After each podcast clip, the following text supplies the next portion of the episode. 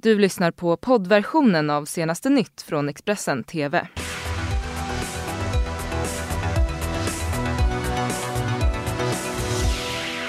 God morgon, det är onsdag den 4 december och det här är senaste nytt och det här är våra rubriker. Man skjuten i benet i Eskilstuna.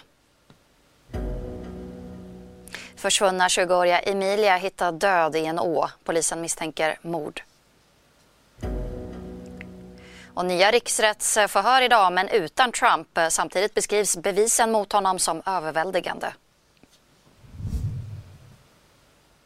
Men vi inleder med ytterligare en skjutning. En man fick föras till sjukhus efter en skottlossning i Eskilstuna. Det var vid 22-tiden igår kväll som mannen hittades skadad utanför eh, området Viptorp. Enligt polisen så hade mannen skador i ett ben och fördes alltså direkt till sjukhus. En förundersökning om grov misshandel har nu inletts.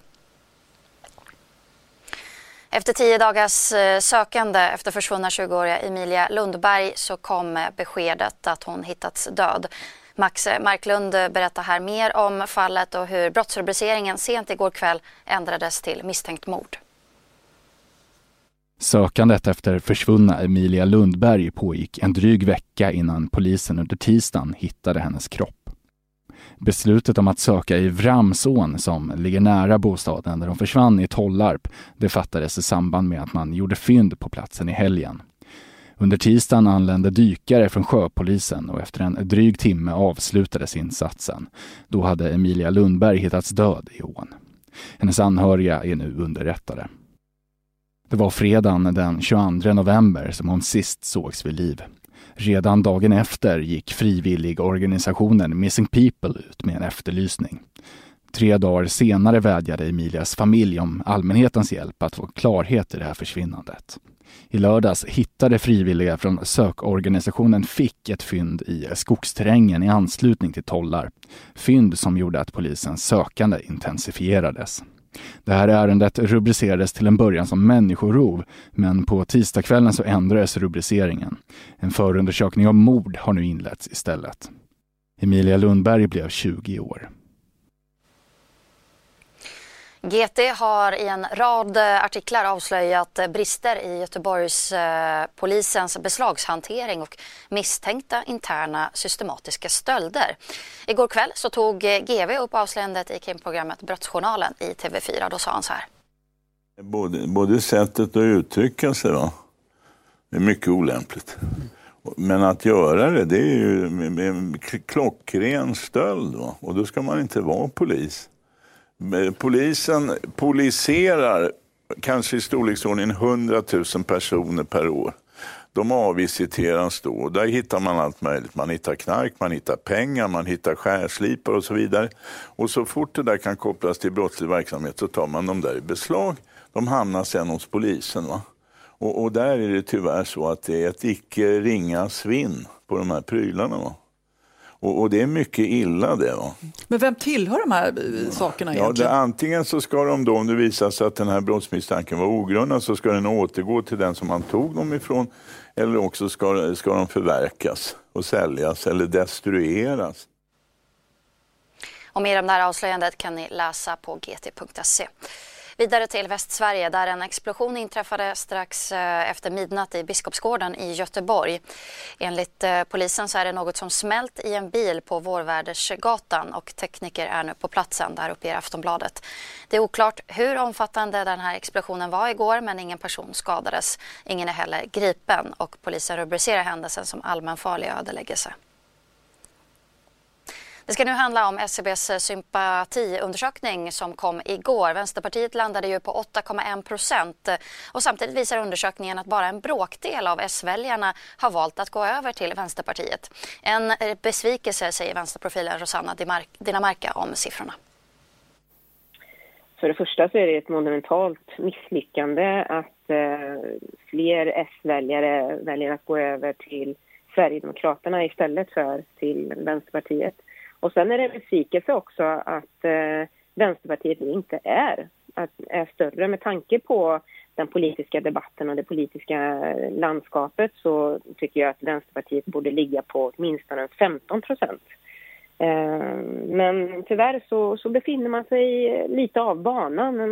Man kommer ut med utspel som att eh, vi ska ha en haverikommission om avregleringar vilket ju i och för sig är absolut relevant och, eller viktigt. Eh, men helt av banan från var debatten ligger idag. Och man förmår liksom inte att, att ändra den politiska dagordningen så då måste man istället vara offensiv och, och, och, stark i och ta kommandot i de debatterna som är nu. Som till exempel när det, när det gäller gängskjutningarna.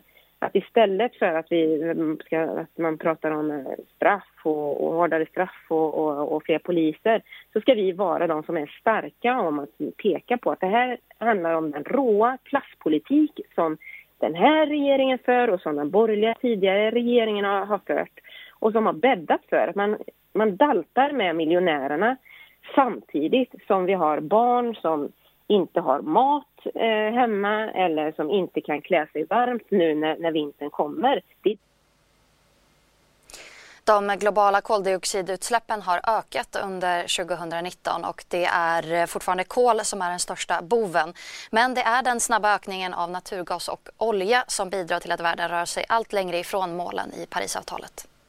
Koldioxidutsläppen i världen har ökat i en stadig takt sedan den industriella revolutionen, men allt snabbare de senaste 50 åren. Och så verkar det bli även i år då utsläppen ser ut att ha ökat med 0,6 procent. Det här trots att kolanvändningen minskar. Förklaringen stavas ökade utsläpp från naturgas och olja. Naturgas har sedan 2012 varit den största källan till ökningen av koldioxidutsläppen. Det här anger rapporten Global Carbon Project som publiceras under onsdagen på klimatmötet i Madrid. Rapporten publiceras varje år inför FNs klimatförhandlingar för att se till att förhandlarna har den allra senaste statistiken för de globala utsläppen.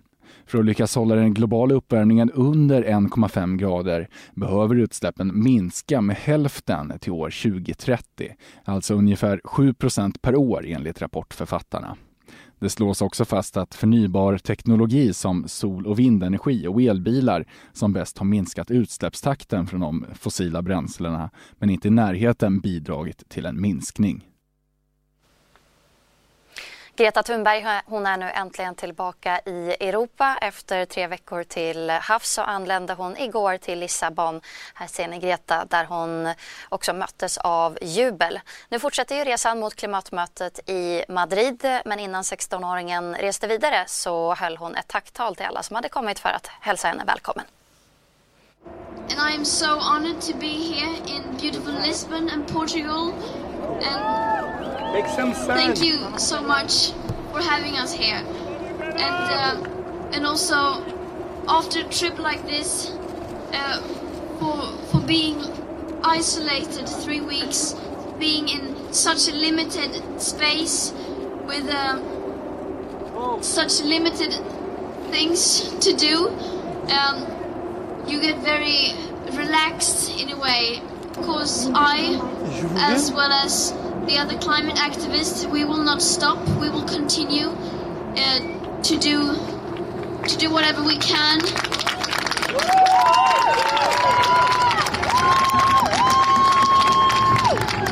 Continue to travel around and to to put pressure and on people in power and to make sure that they put their prioritize pri- that they prioritize this highest.